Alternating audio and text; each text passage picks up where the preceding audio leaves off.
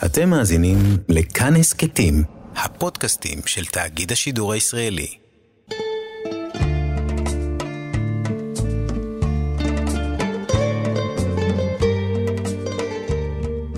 אתם מאזינים לתחנה מרכזית, סיפורה של המוזיקה הישראלית המזרחית.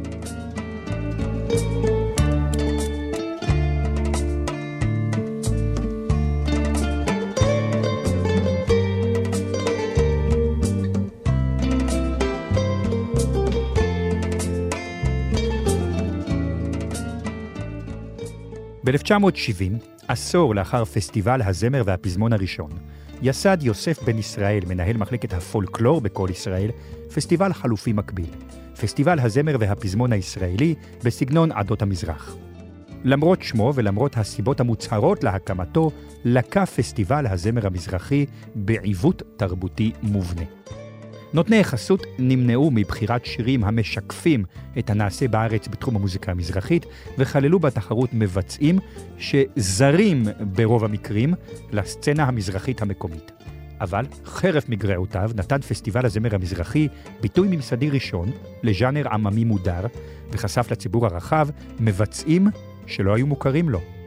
זכייתו של זוהר ארגוב, בפסטיבל הזמר המזרחי 1982, בשירם של אביהו מדינה ובן מוש, הפרח בגני, מסמנת את עלייתו של מי שהיה ועודנו מלך המוזיקה המזרחית בישראל. הפרק הפעם יעסוק בשירי פסטיבל הזמר המזרחי.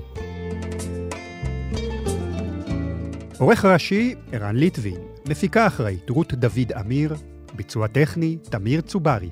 אני, עומר בן רובי.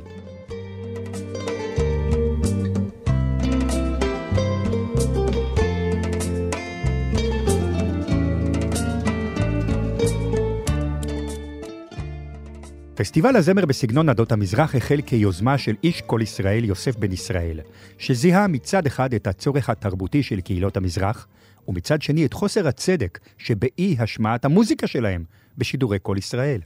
תחנת השידור הציבורית אמורה הייתה לשקף בשידוריה את מגוון הטעמים המוזיקליים של הקהל הישראלי. המאבק לשכנע את ההנהלה לא היה פשוט, אבל בסופו של דבר הדבקות השתלמה. פסטיבל ראשון של זמר מזרחי התקיים בדצמבר 1970. המלאך הטוב יופיע לילית נגר, הזוכה הראשונה בפסטיבל הזמר המזרחי הראשון, 1970. המלאך הטוב יופיע, ובשורה טובה ישמיע. המלאך הטוב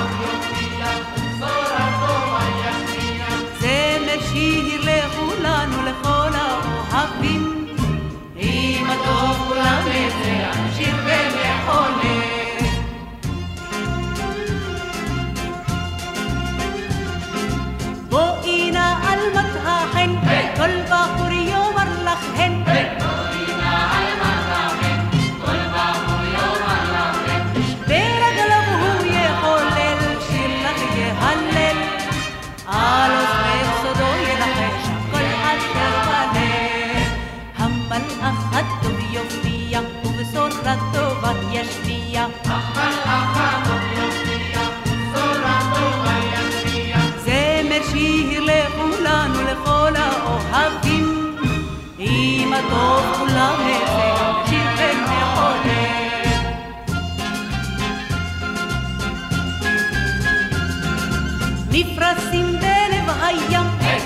נמתחים כלב החם.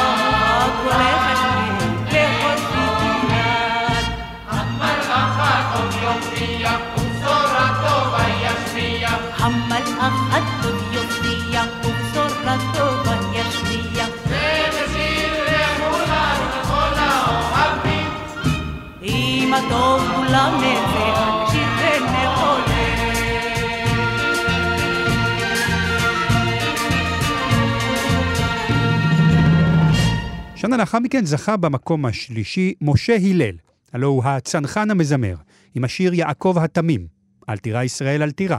הלל היה באותה עת כבר זמר מפורסם, ושירו "הנער עם הבנג'ו" זכה להצלחה רבה. את השיר יעקב התמים כתב יוצר צעיר בתחילת דרכו, כבר הזכרנו אותו כמובן בפרקים קודמים, וגם נזכיר אותו בפרקים הבאים, אביהו מדינה. ברח לו יעקב מפני עשיו, אל דודו לבן נשא רגליו, ראה שם בהרים כבשים ואיילים, כי הוא איש תמים יושב אוהלים, יושב אוהלים. אל תירא ישראל, אל תירא,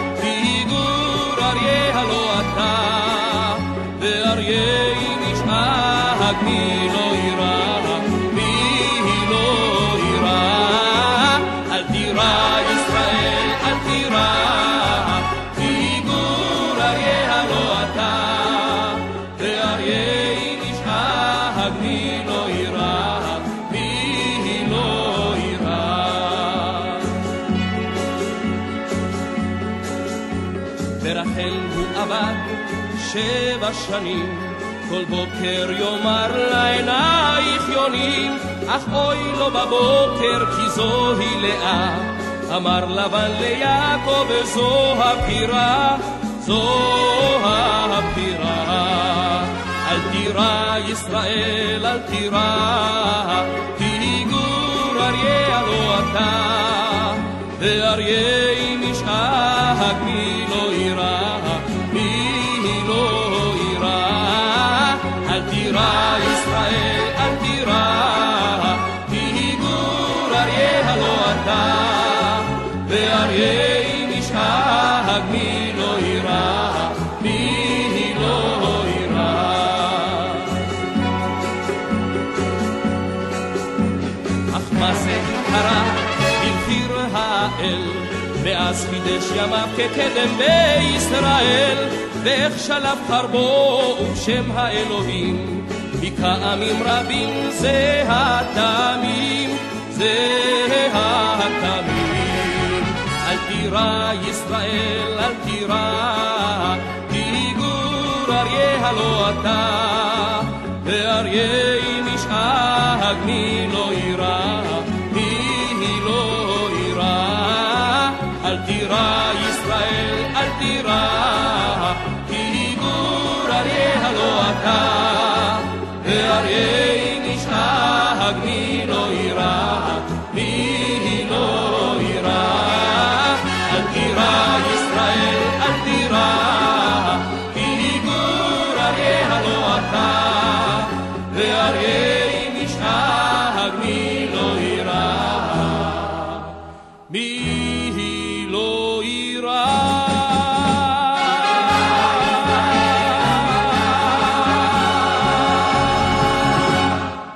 ב-1972 זכה במקום הראשון זמר אנונימי, אורי שבח, בן 23.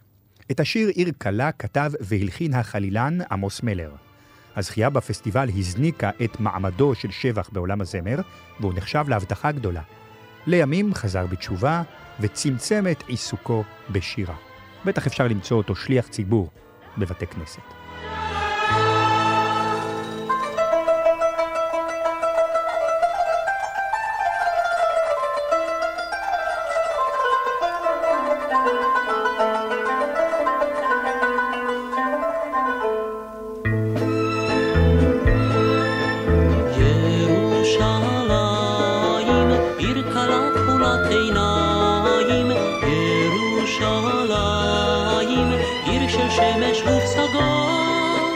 בשמחת כלולותייך, יקיפוך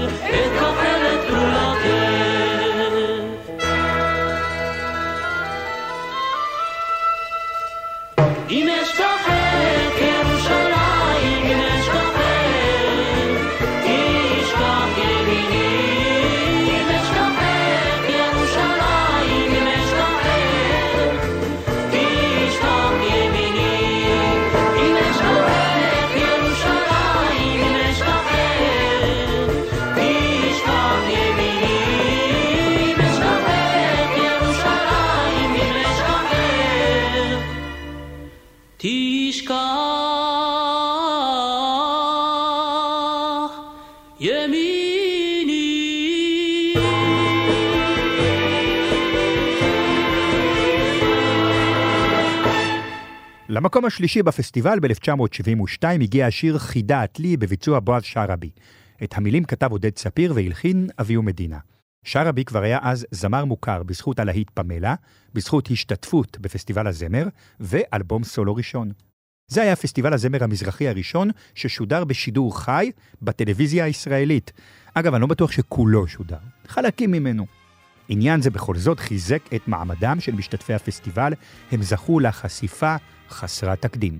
הימים ימי ערוץ אחד בלבד. רק אותה אהבתי מכל בכל ליבי לשווא כי לי צחק היום המבלה לא חשתי נעליו לו רק חדלה מצחוק הייתי לה אומר את כל שיש לי בליבי אפילו קצת יותר חידת לי לא אדע למי. את ליבך נתת יחידה שלי. למה ליבי הולך רק אלייך? אנא הגידי חידתי שלי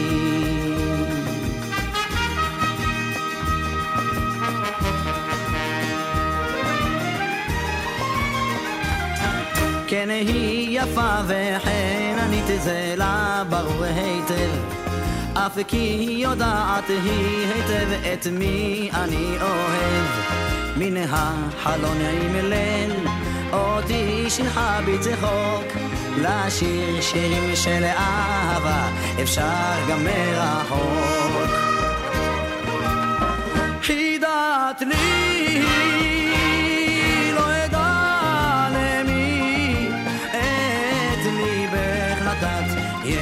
היחידה שלי? למה ליבי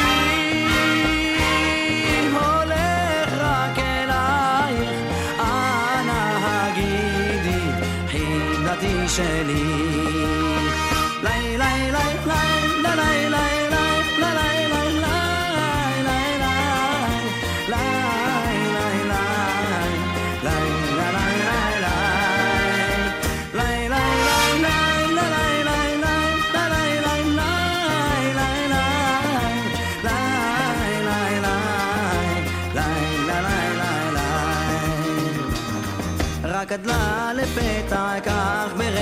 יפה מכל לבנות כי נחיל דבורים יסובבו על מאה חמודות ויום אחד פתאום ולא אדע דבר ראיתי אז את חידתי חובקת בן זכר.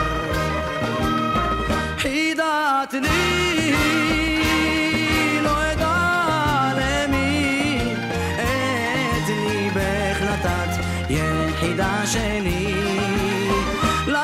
ליבי הולך רק אלייך אנא הגידי חידתי שלי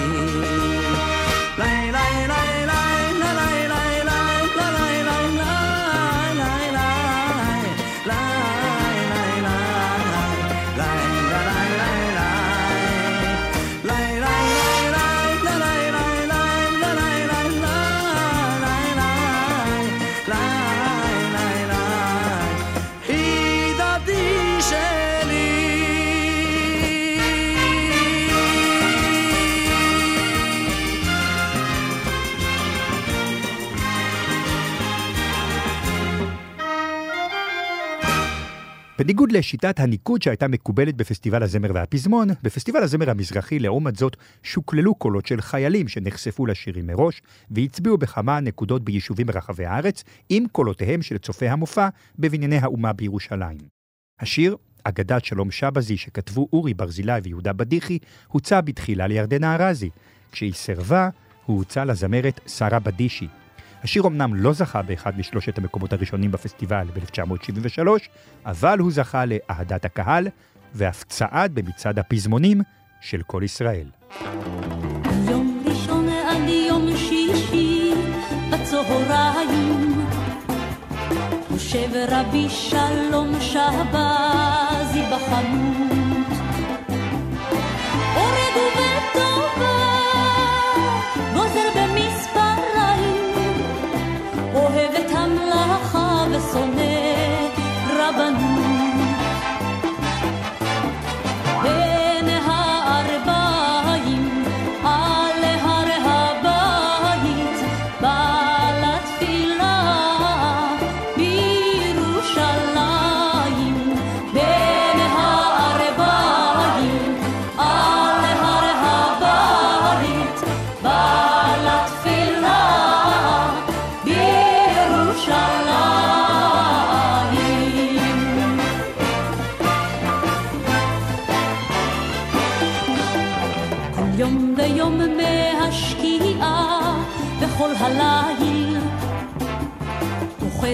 אוחז רבי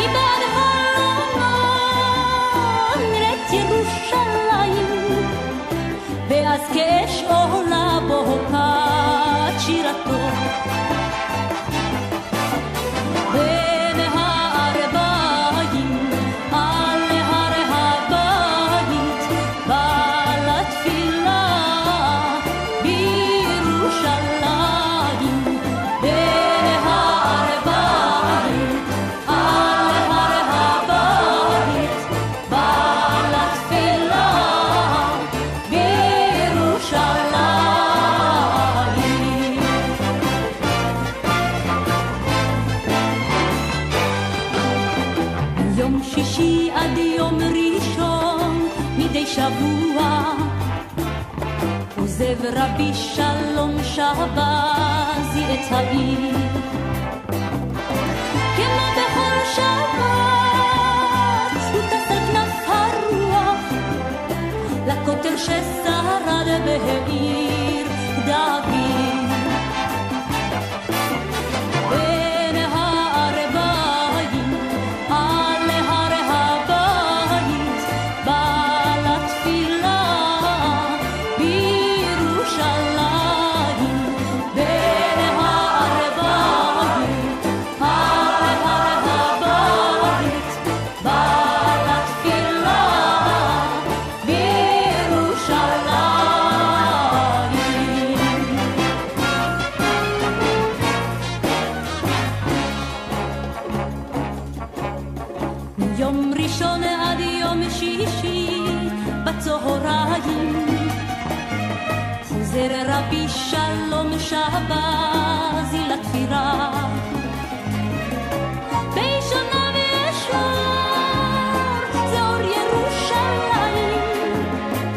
אשר דבק בכל אהבה בשענה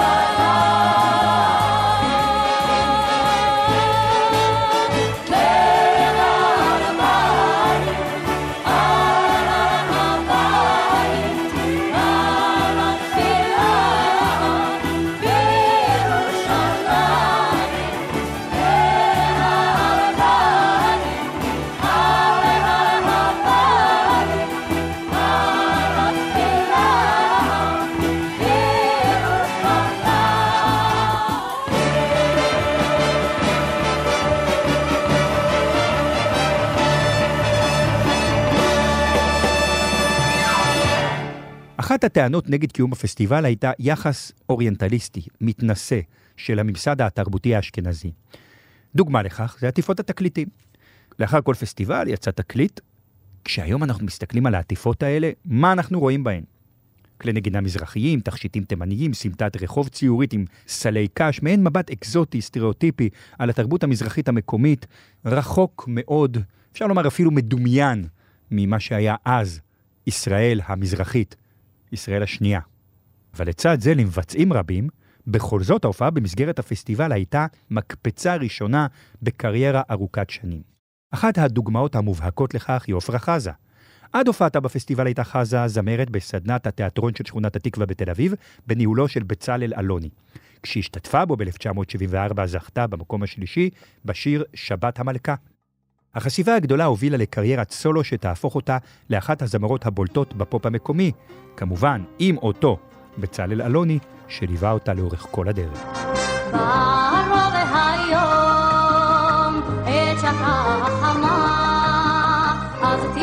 כנפה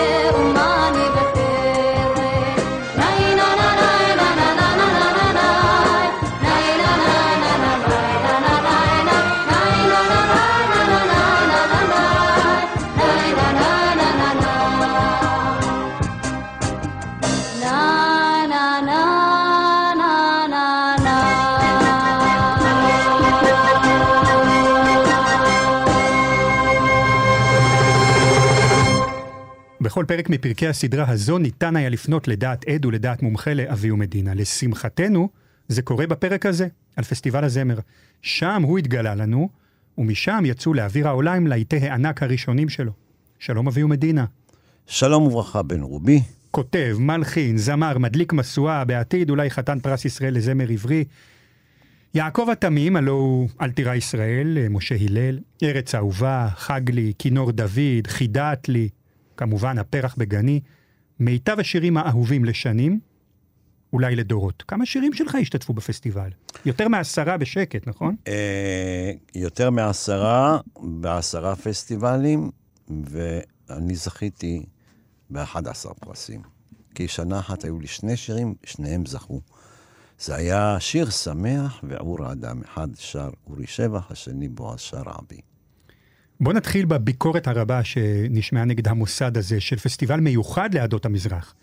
אמרו שזה גטו. למה לא מזרחי ומערבי גם יחד? אתה מחזיר אותי לתקופת האפרטהייד. אני אף פעם לא הבנתי את ההפרדה הזאת. כאילו, מה, למה להפריד? ואם אתם מפרידים, אוקיי, אתם, טעמי אינו טעמכם, ואתם רוצים להסתופף בצל טעמכם. אוקיי, לפסטיבל העברי יש תקציב של אה, שני מיליון, ולפסטיבל אה, המזרחי אין תקציב בכלל. אז אוקיי, בסדר. מה עם התקציבים? בואו נחלק גם את התקציבים חצי-חצי. בואו נחלק את המקום חצי-חצי. בואו נחלק את האורחים, את הקריינים, את הכל נחלק חצי-חצי. אם אתם לא רוצים לגור ביחד באותו בית, אתם לא יכולים לגרש אותנו החוצה ולגור שם סבבה, אתם לבד. ואז אתם גרים גם בחדר שלי וגם בחדר שלכם, יש לכם כל אחד שני חדרים. אוכלים גם את המנה שלי וגם את המנה שלכם, ואתם אומרים, הכל בסדר. לא, זה לא בסדר. זה מקומם, בייחוד שזה התחיל ב-73. 73 אחרי שאני חוזר מהמלחמה, ואני במלחמה, טנקיסט. אני מפקד טנק שעבר קרבות מפה עד להודעה חדשה, ורק במזל לא מתתי 20 פעם. ואני מגיע לפה ואני מקבל אפרטהייד, מה זה הדבר הזה? תגיד, הביקורת הזו, כן. שידעת לנסח אותה מעולה, כן. החל משנות ה-70 ובמשך עשורים קדימה, התגבשה בדיעבד, או שזו הייתה התחושה שלך ושל האומנים בזמן אמת? הרגשתם את זה בזמן אמת, או שאחר כך ידעתם לנסח מה פה היה דפוק? תשמע, אני גדלתי בבית תימני דתי, באמת. ואני בקיא, בקיא בכל מה שקשור במסורת, בדת. למדתי את היהדות מהכיוון ההוא. לעומת זאת, אני גם הייתי ארבע שנים בקיבוץ. ושם למדתי את פירושי המקרא, את הצד השני של הפוליטיקה הישראלית, בקיצור. ואני ידעתי לבחור בטוב שבשניהם. אין אף אחד שהוא מושלם, כן? אבל בטוב שבשניהם אני בחרתי, וידעתי להכיר ולהבין את שני הצדדים. ואני אומר לך שהיה ניצול גדול, אז את חוסר הביטחון של אלה שבאו ממדינות מלוכניות, שם לא הייתה דמוקרטיה, והם אפילו לא הבינו איך מתנהגים בדמוקרטיה. אז כל אלה שבאו מהבולשביזם הרוסי ניצלו את הבורות שלהם, והשתלטו על ההגמוניה התרבותית, וככה אנחנו נדחקנו הצידה. בוא נשמע אביהו קטע שבו יוסף בן ישראל עצמו מספר בריאיון רדיו לגבי ינון, מארכיון כל ישראל. יגאל בוטון היקר מצא את זה בשבילנו, זה קטע די נדיר. הנה יוסף בן ישראל, האבא והמייסד של הפסטיבל, מדבר על הפסטיבל בקולו. אני אה, קורא לפסטיבל הזה יותר פסטיבל ארצי ישראלי עד שנות החמישים. ואינני קורא לזה אה, פסטיבל אה, ממש מזרחי-מזרחי במתכונת שאנחנו מכירים בה. אה, מדוע אני מתכוון לשנות החמישים? הכוונה שלי לקרב יותר את הנוער של איננו יוצא עדות המזרח, לקרב אותו לצליל הקרוב יותר לארץ שהוא חי בו, שזה ים תיכוני, ואותו הדבר גם לקרב את הנוער המזרחי אל הצלילים המערביים שפחות הם רחוקים ממנו. אה, לפי התגובות והסימנים של עד היום, שזה הפסטיבל השישי, מתברר שהבישול הזה הצליח. אה, לפעמים יש ביקורת שזה לא כל כך מזרחי, אני מסכים איתם, אבל ברגע שאנחנו מצליחים לזמן מעבדים, כמו מעבד מהונגריה ומעבד מפולניה ומעבד אה, מבולגריה, שהם מנצח רומני, אז ככה, ככה ש...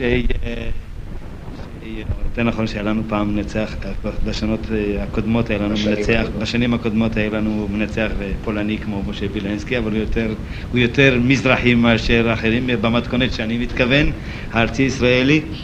אז uh, אני חושב שאנחנו מחזירים את העטרה של הלחן הארצי ישראלי ליושנה ולא, uh, ולא נשארים במתכונת של היום, שאינני חושב שיש לנו uh, ייצוג של זמר ישראלי מקורי. הזמר הישראלי שאנחנו שומעים אותו היום זה זמר פופ, זה זמר עולמי, תחליף את הטקסט וגמרנו.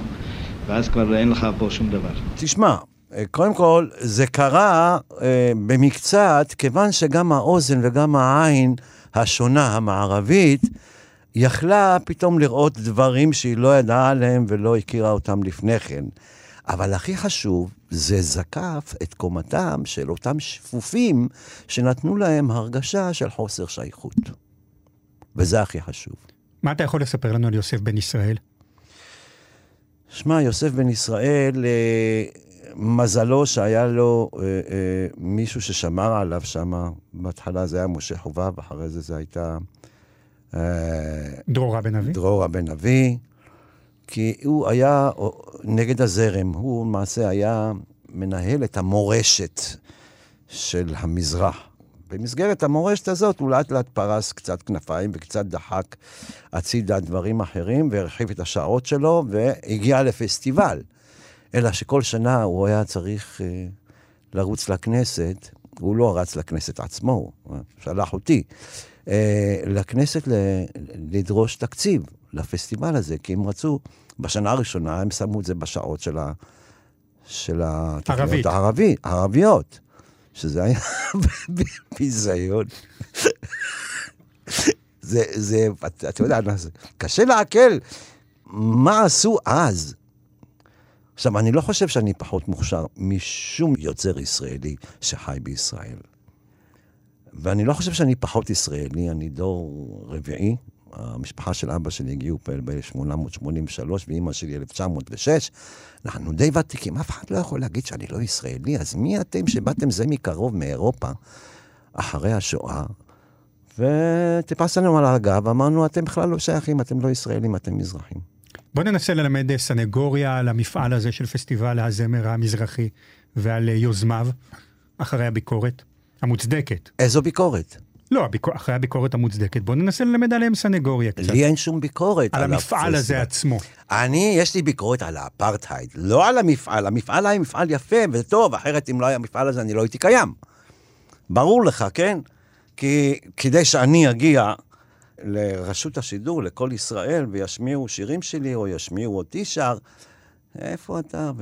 זה בכלל מדינה אחרת, זה, זה לא שייך לנו בכלל, אנחנו מזרחים, לא שייכים בכלל. למה המציאו את המילה הזאת מזרחית? כי היו שם אז תוכניות ישראליות ועבריות. אתה, אתה ישראלי? לא. אתה עברי? לא. אין לך מקום פה. לא משדרים אותך, לא מתייחסים אליך בכלל. בגלל זה אני גם נגד הביטוי הזה, הכינוי הזה, מזרחי. אם אנחנו מזרחים, אתם מערביים. אתם לא ישראלים. אה, לא בטוח שהם ערבים, הם מזרח לא. אירופאים. לא, לא, מערביים. את- אתם לא- מוזיקה רוסית היא אתם לא- מערבית? אתם לא שרים רוסית, אתם שרים מערבית. אמריקאית רוק- ובריטית. רוק, כן, רוק בא מהמערב. את, אז אתם בכלל לא ישראלים, אתם מערבים. טוב, היום הרוק בישראל הוא מזרחי גם כן אה, בחלקו הגדול מבחינת הגישה למוזיקה. במהלך השנים שולבו בפסטיבל אומנים לא מזרחיים, כן. לא במוצא וגם לא בסגנון. אה, כמו עדנה לב, מוטי פליישר, שוקולד מנטה מסטיק, ססי קשת, אפילו זכה בו. נכון. למה בעצם? למה, למה התכוון המשורר בשילוב הזה? התכוון המשורר למה שהוא אמר בהתחלה, לקרב. זה כשהוא אמר, יוסף בן ישראל אמר לקרב בין החלקים השונים בתרבות הישראלית, לזה הוא התכוון. שבוא תלמד אותי, אני בלאו הכי כבר יודע אותך, כי אתה כל הזמן מופיע בטלוויזיה וברדיו כל היום. לא אני מופיע שם, אתה מופיע ואני מכיר אותך, ואני מכיר את כל השירים שלך, ואני מכיר מאיפה זה בא, ואני מכיר את כל הזמרים שלך ואת כל המלחינים שלך. אתה לא מכיר אותי, כי אני לא נמצא באותה תיבת תהודה שכל הזמן משדרת, ומשם אתה יכול להכיר. אז הפסטיבל בדבר הזה עשה טוב, שהוא נתן גם למזרחיים להכיר זמרים בתוך הפסטיבל כאילו שלהם, כאילו הם אורחים. כמו שיגאל בשן אבל- מופיע בחסידי, כן, אפשר. וכמו שיזהר כהן מופיע בפסטיבל הכללי, אז כך גם אשכנזים הגיעו לפסטיבל המזרחי. נכון, גם אני הייתי בפסטיבל החסידים, כן. עם השיר ברכנו, עם שימי תבורי, זכינו מקום שני גם כן. בוא נדבר על הפרח בגנים מהגדולים בשירים בעברית במאה ה-20. כן. החלום שלי היה לזכות בפסטיבל המזרחי, ככה סיפר אה, זוהר, זוהר ארגוב, לעיתונאי אילן שאול בריאיון לעיתון רגע אחרי הזכייה. הוא היה אמר, למה החלום שלי לזכות בפסטיבל? היו שם זמרים שכבר הופיעו על המסך, והייתה לי הרגשה שהעין של האנשים תידלק על אלה שהם מכירים. הוא לא היה מוכר, לפי דעתו בטלוויזיה. כשקיבלתי את 12 הנקודות בטבריה וברמת אליהו, סיפר זוהר, ידעתי שזה הקהל שלי. הוא המשיך ואמר דבר קצת אה, מעניין, גם בבנייני האומה יכולתי לקחת 12 נקודות, אבל הייתה שם אטרקציה של הילדים שרקדו עם אבנר גדסי. תגיד, אתה ידעת שאתה, שול... אתה ידעת שאתה שולח שיר מנצח? כן. כן. אני ידעתי שאני שולח שיר מנצח וזמר מנצח. אלא שהזמר הזה היה זמר צעיר, די חובב, אה, מוכר בשכבה מאוד מאוד מסוימת, ובלי תרבות שירה. וזה קצת לא התאים לפסטיבל, כי הפסטיבל היה אה, פסטיבל שיש בו איזושהי רמה שאתה צריך לעמוד בה. ואני אמרתי את זה לזוהר כבר ב-79, שראיתי אותו שר, אמרתי לו, אתה שר יפה, יש לך כישרון. אה, יש לך את כל הכלים כדי להצליח, אלא מה שאין לך תרבות שירה. כשאתה שר, אה, אין דודים כלה, וואלאק בואי אל גני, וואלאק לא שייך. זה גם לא כתוב בתוך המילים. כמובן שלא. והתוספת הזאת היא תוספת- זולה שמורידה גם אותך וגם את השיר. וזה לא הולך בפסטיבל הזה. הפסטיבל הזה הוא מעונב, הוא מתורבת, ואתה חייב להיות במקסימום תרבותי. אתה צריך זה אתה לשכנע. אמרת כי אתה חשבת את זה, או כי ידעת מה הם מחפשים? לא, אני, אני חושב ככה. אני אוקיי. בכלל באתי מבית שיש בו תרבות מאוד כבדה ומאוד uh, קפדנית וקשוחה. אני יודע שגם כשאתה רואה מישהו שר פיוטים, אז אתה לא אוהב שהוא עושה יעלה לי, יעלה לי בתוך פיוט. נכון, כן. נכון. מאיפה אתה יודע? שמעתי אותך אומר את זה. כן. כן, זה לא לעניין. גם לא לעניין, חטאנו לפניך רע. מה זה, אתה אומר חטאנו לפניך, אתה צריך להתחנן על נפשך, מה פתאום אתה שמח עליז וצועל? זה, זה חיבור דיבילי של מי שעשה אותו. תגיד, ערן ליטבין אוהב לקרוא למופע הזה, נניח של הפרח בגני בפסטיבל, אני רוצה לשאול את דעתך בעניין. הרקדניות האלה, והקצת מין קצת הורה רוסי, מזרחי, כאילו מזרחיות מדומיינת. ככה הוא קורא לזה, כאילו מין, הם דמיינו איך זה נראה, אבל זה לא באמת. מה אתה אומר? קודם כל זה לא נכון. יש הרבה ריקודים בתרבות המזרחית, אם כבר. אה, יש הרבה ריקודים אצל התימנים. לא בסדר, אבל איך שזה היה נראה על הבמה שם. איך שזה נראה, אני חושב שזה נראה טוב. או. אני חושב ש, ששלמה עשה שם כוריאוגרפיה נהדרת. זה היה מינימלי, וטוב שכך, כי מעבר למינימלי זה יכול להיות כבר גס. וטוב שזה היה מינימלי. אמרת באיזה מקום, אביהו, שהיום לא היית מחדש את פסטיבל הזמר המזרחי, לא צריך אותו, אבל את הפסטיבל החסידי דווקא כן. כן. למה? אני חושב, כי... למה אתה מחזק אה, דברים? אתה מחזק דברים בגלל שהם נחלשו. עכשיו, היסודות היהודיים, המסורתיים, ההיסטוריים שלנו, נמצאים בתוך התורה שלנו. עכשיו, המוזיקה החסידית נושאת איתה ציטטות של המקורות שלנו. ואנחנו התרחקנו הרבה מאוד בתקופה האחרונה, ב-20-30 שנים האחרונות, וכדאי לנו שאנחנו נתרכז בקושאן שלנו על ארץ ישראל, והקושאן שלנו זה התנ"ך, זה המסורת, זה המקורות, זה ההורים שלנו.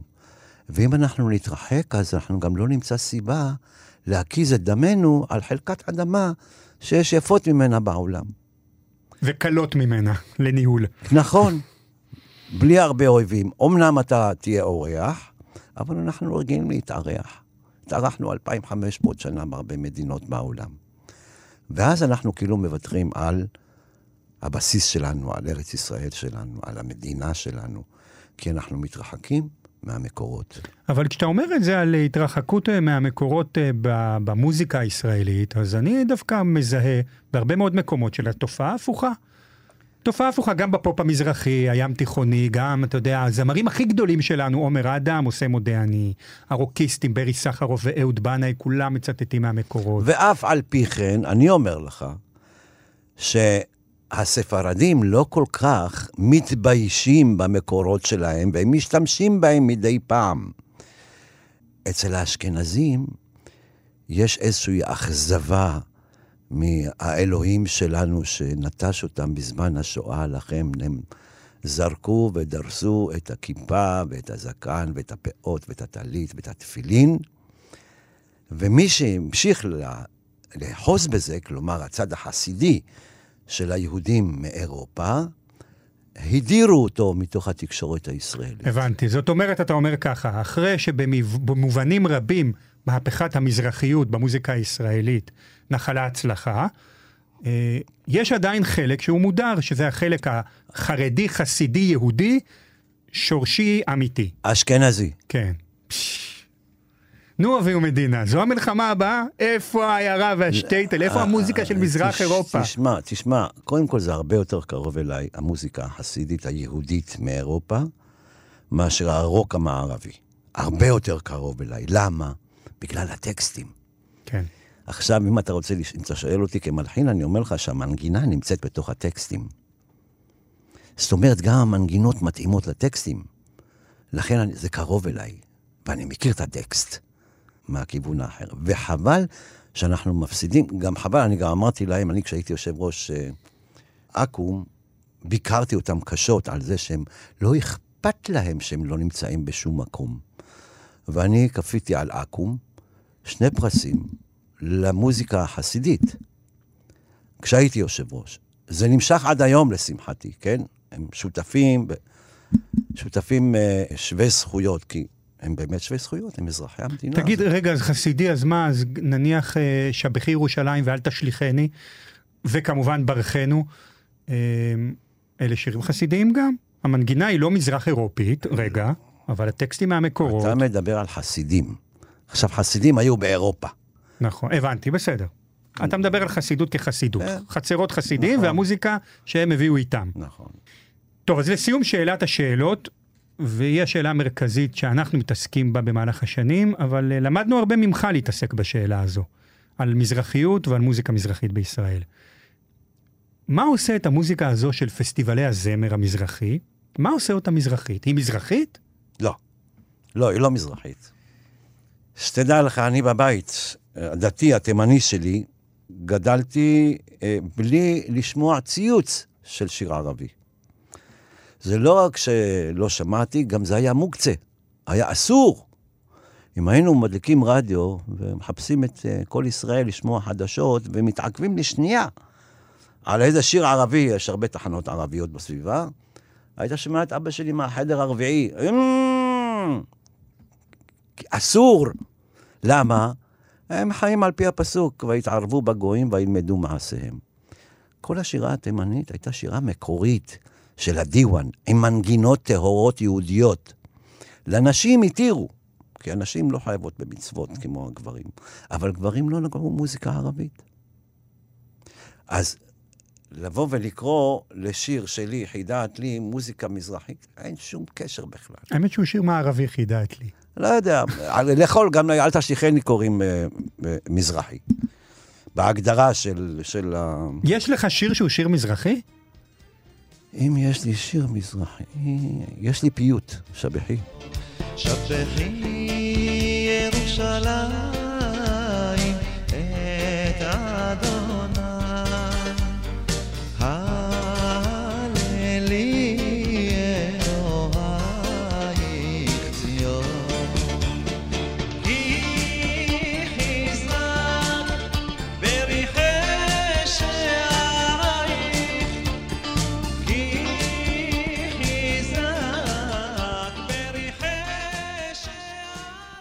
הוא פיוט. כן, כי זה תהילים, זה דוד המלך, והלחן הוא לחן מזרחי, ושרים אותו אגב בבתי כנסת גם היום. כן, אבל הוא פייטני, הוא עירוב של ספרד וערב. נכון, שעובר דרך ירושלים, מסורת ספרד ירושלים כזו. נכון, בדיוק. ואתה יודע, אמרתי לך, אימא שלי ירושלמית, נולדה בירושלים, כל המשפחה של אימא שלי ירושלמית, אז מה שגאון אה, שר, אני אוהב, כי אני מכיר את ההוויה הזאת מהבית שבו גדלתי. מה שנבון אז כתב בספר שלו, וקראתי את הספר הזה, אני מכיר הכל כאילו אני חייתי שם. אביהו מדינה, תודה רבה, תודה לכם. תענוג. שנת 1974 הייתה שנה עמוסה בחייו של יגאל בשן. הוא השתתף בסרט שרית, הוציא לאור את תקליטו קפה אצל ברטה, וזכה בתואר זמר השנה. בפסטיבל הזמר המזרחי ביצע יגאל בשן את השיר לקראת שבת, וזכה במקום הראשון. הפסטיבל התקיים חודשיים לאחר פרוץ מלחמת יום הכיפורים, מה שגרם לאווירה מתוחה ששמחה ועצב היו מעורבים בה. הזכייה של בשן, אגב, הייתה חמש שנים אחרי שהדהים את המדינה בפסטיבל הזמר החסידי עם השיר עושה שלום במרומיו. לך דודי לקראת קהלה בני שבת מקבלה ואבא מסלסל קולו בשירי שבת. דרור יקרא עליהם עם שבת ומפת סחורה נפרסת ודולקים נרות. וכהד מן העבר המנגינות חוזרות. ומלא פתאום הבית באותן זמירות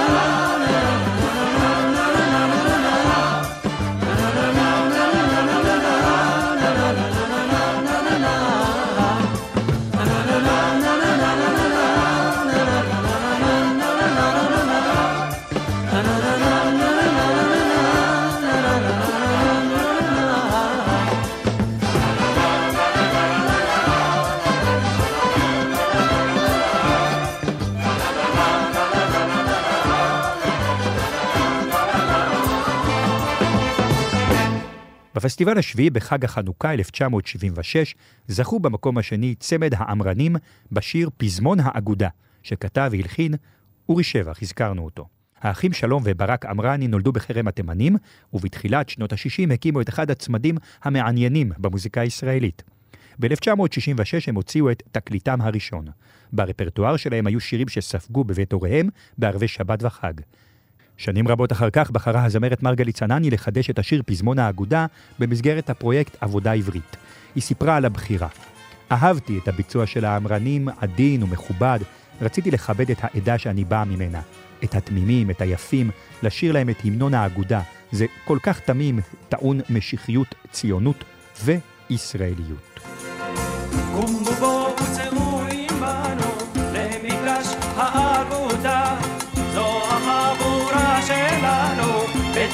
בציון תיתן להודה מקצווי הארץ יבואו מן העיר מן המושב שתגיעו אז תגידו מי שבא בא לשם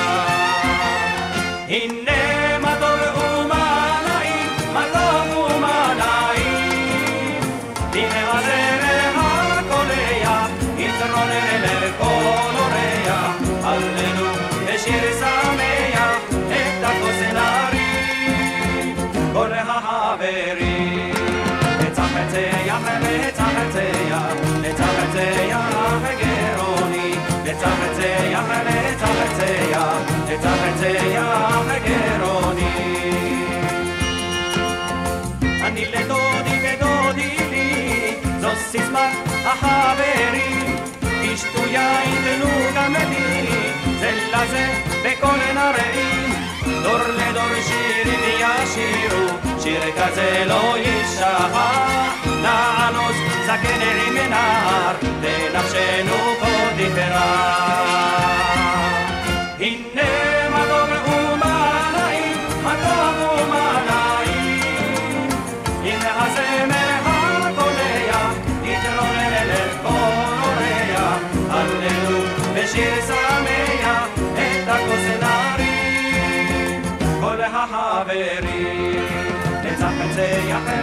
לצחצח, לצחצח גרוני, לצחצח, לצחצח, לצחצח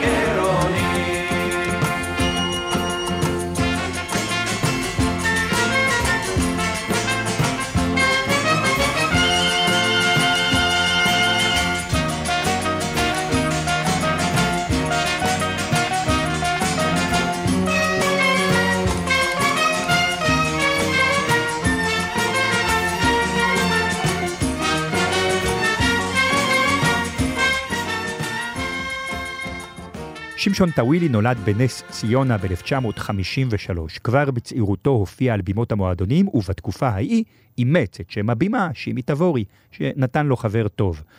תבורי יצליח יותר מטאווילי בישראל של שנות ה-70. ב-1976 הוציא לאור את תקליטו הראשון, חיפשתי שירים לצאת לעולם, ובו שניים מלהיטיו הגדולים, הלנה ולילה בלי כוכב, שיר נצחי.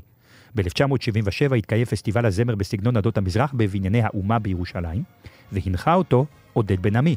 תבורי זכה במקום הראשון בשיר שחורה ונבה, ציטוט משיר השירים, הוא בן 24 בלבד היה.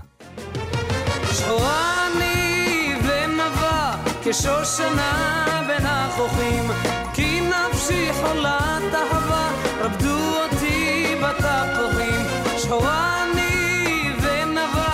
כשושנה בין החוכים כי נפשי חולת אהבה רבדו אותי בתפוחים. שחורה משמש אני ונבה נותרת את הכרמים. דודי אשר נפשי אהבה הוא היפה בעלמים. שחורה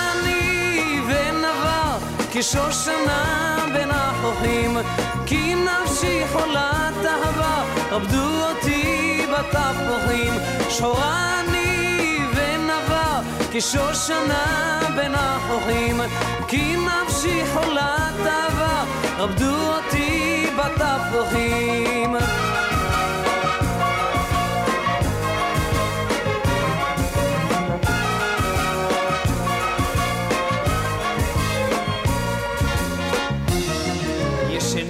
ישנה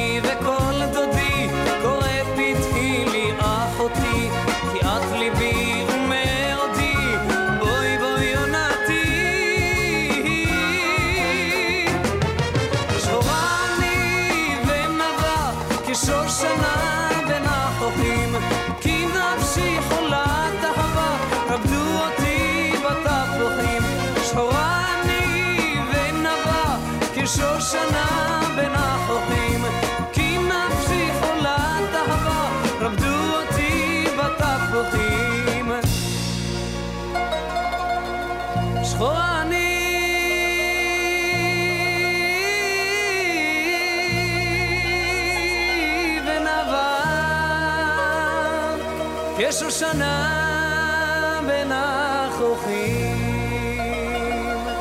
כי נפשי חולת אהבה. רפדו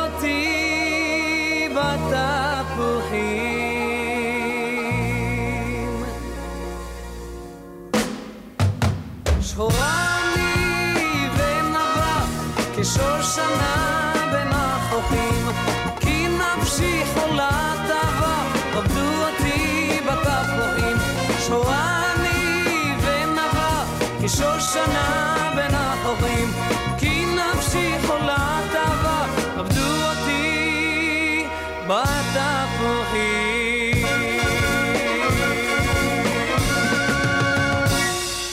בדצמבר 1981 הלכה לעולמה אשת הרדיו דרורה בן אבי, שהייתה גם מצוות המייסדים של פסטיבל הזמר המזרחי. לאות הוקרה על פועלה הוחלט לשנות את שם הפסטיבל לדרור, למנצח שיר מזמור.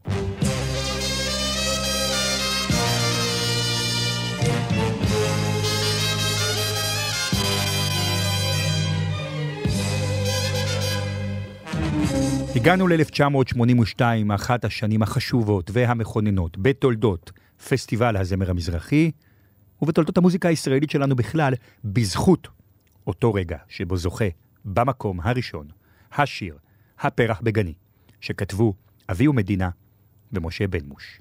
השיר נכתב במקור לשימי תבורי, כוכב פסטיבלי הזמר, אך תבורי לא רצה להשתתף בפסטיבל והציע את השיר לזוהר, זוהר ארגוב. לאחר הזכייה במקום הראשון השתנה מסלול חייו של ארגוב. הוא הפך בן לילה מזמר חתונות ואירועים משפחתיים לזמר מבוקש וידוע בכל סלון ובכל בית בישראל. קולו הייחודי כבש באחת את לב המאזינים. השיר "הפרח בגני" עם החצוצות הספרדיות מסמל יותר מכל אולי את תחילת נפילתה של החומה שלא אפשרה עד אז את כניסתה ובגדול של המוזיקה המזרחית אל הרדיו הישראלי.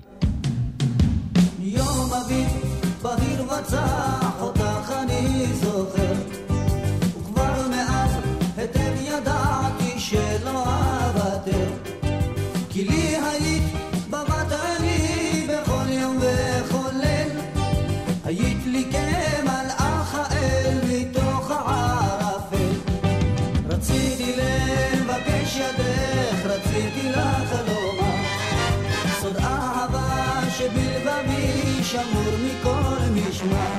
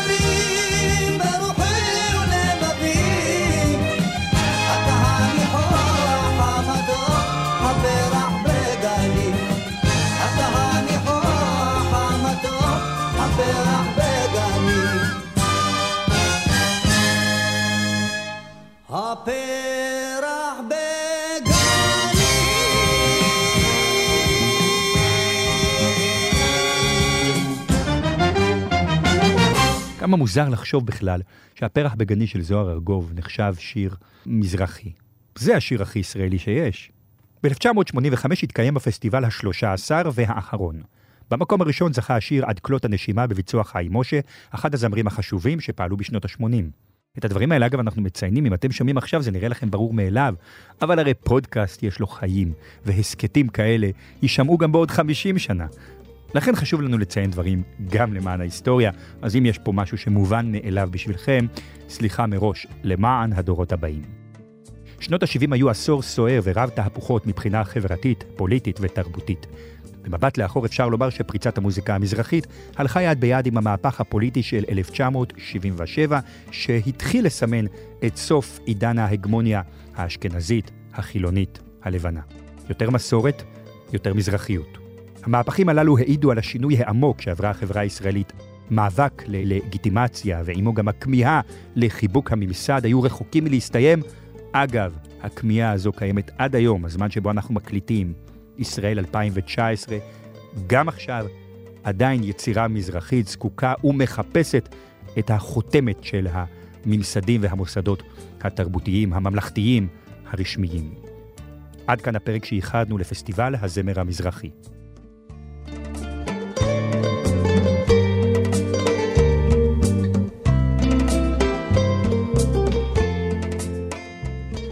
זה היה פרק נוסף של תחנה מרכזית, סיפורה של המוזיקה הישראלית המזרחית.